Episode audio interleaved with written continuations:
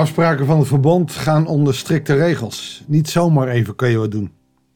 Bij God is het echt altijd wel serieus werk. We gaan vandaag ook kijken in Nehemia. Eigenlijk best wel mooi, hè? De, hele week zo in, Nehemia. En ik moet eerlijk zeggen dat, dat er uit het boek een hoop te halen is. En vandaag gaan we kijken hoe radicaal geloof ook gevraagd kan worden van een mens. Goeiedag, hartelijk welkom bij een nieuwe uitzending van het Bijbels Dagboek. Op grond van dit alles gaan wij een verbintenis aan, een nieuw verbond wordt er gesloten en stellen die op op schrift. Onder de oorkonde staan de namen van onze leiders, van de levieten en van de priesters. Die, dit zijn degenen die hun zegels zetten. Landvoogd Nehemia, de zoon van Galalja en Sitka. Verder de priesters Seraya, Asaria en een heleboel anderen. Dan de levieten, Yeshua, de zoon van Asanja, Binnenwe, Kanemiel.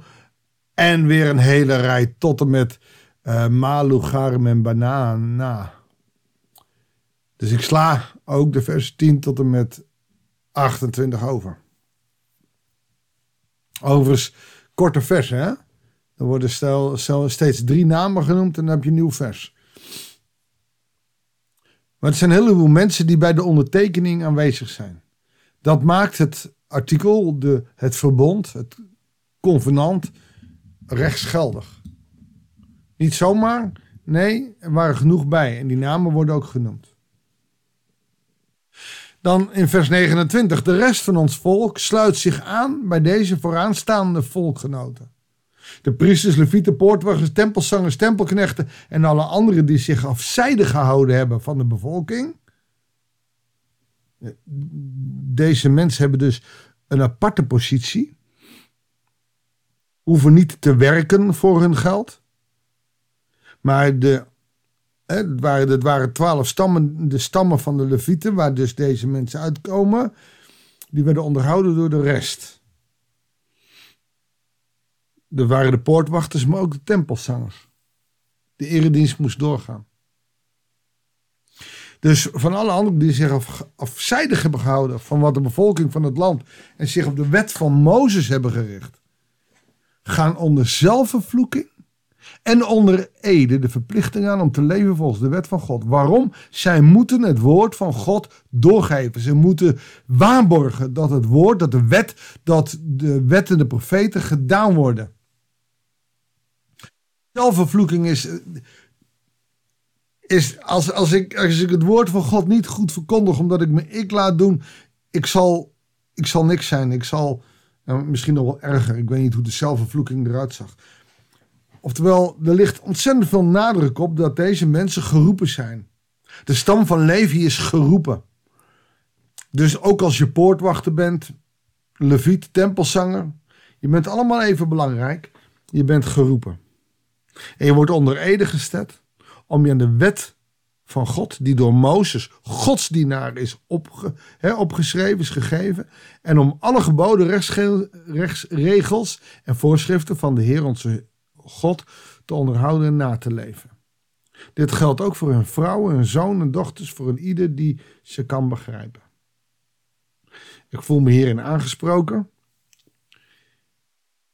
Ik moet, als ik Nehemia zou zijn, onder zelfvervloeking onder Ede me verplichten om te leven volgens de wil van God. Ik kan je wel vertellen dat dat verschrikkelijk moeilijk is geweest voor de Levieten.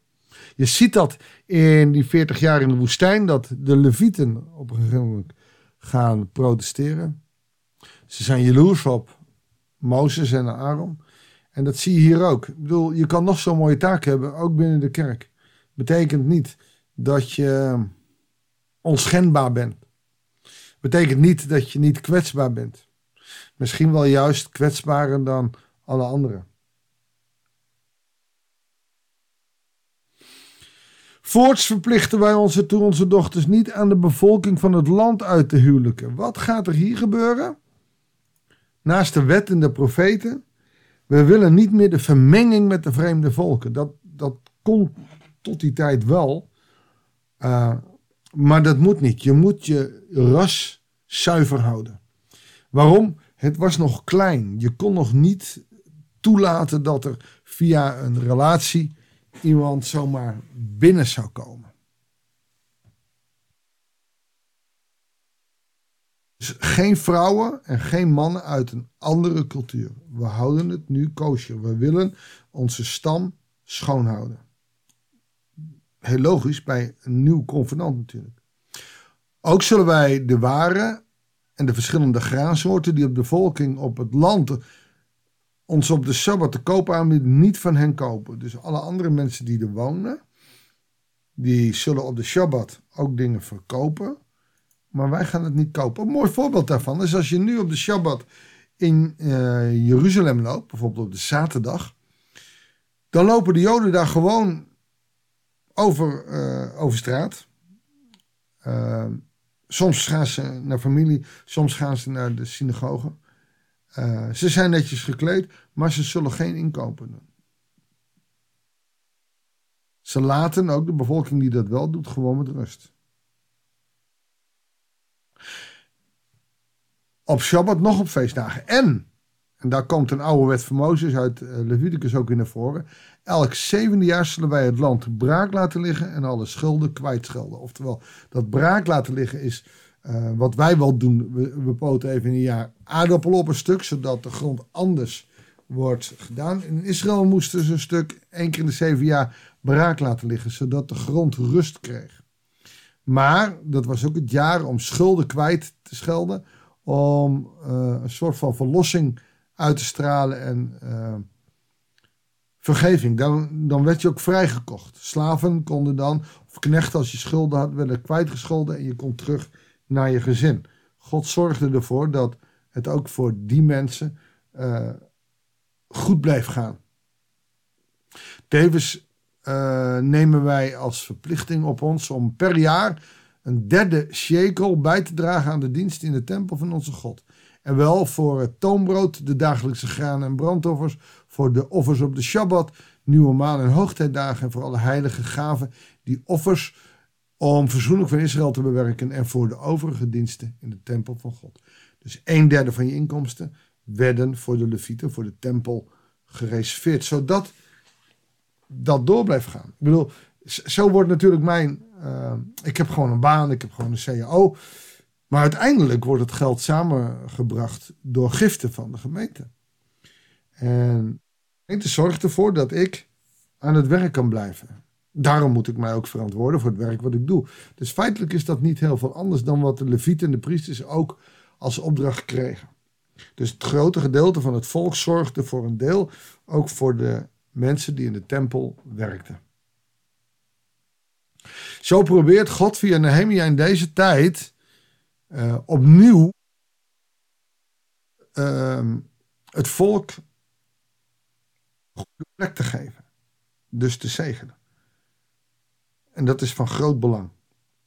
Want die zegen heeft het volk nodig. Zonder God, zonder die zegen, zullen de muren zo weer afgebroken zijn. Het is allemaal nog fragiel. De muren zijn er, de poorten zijn er, maar binnen de poorten zijn nog niet zoveel mensen. Ze zijn nog niet in staat zichzelf te redden en zichzelf te verdedigen. Laat staan dat ze de vetpotten alweer hebben. Ze zijn puur afhankelijk van God.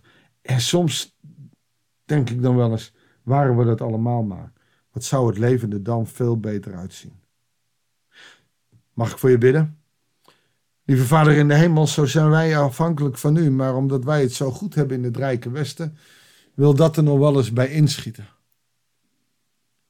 Zijn wij niet meer afhankelijk van u, maar zijn wij afhankelijk van ons eigen geld, van ons eigen goed.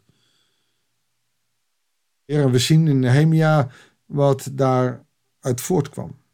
Ze hebben u verlogend en u verlogende hen. En ze werden overgeleverd aan de vijanden. Geen wacht meer voor hun poorten. Geen wachten meer van de engelen.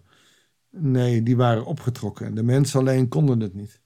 Heer, en ook nu wordt er voorzichtig aan de eredienst gewerkt om, om u weer in het midden van die muren te krijgen.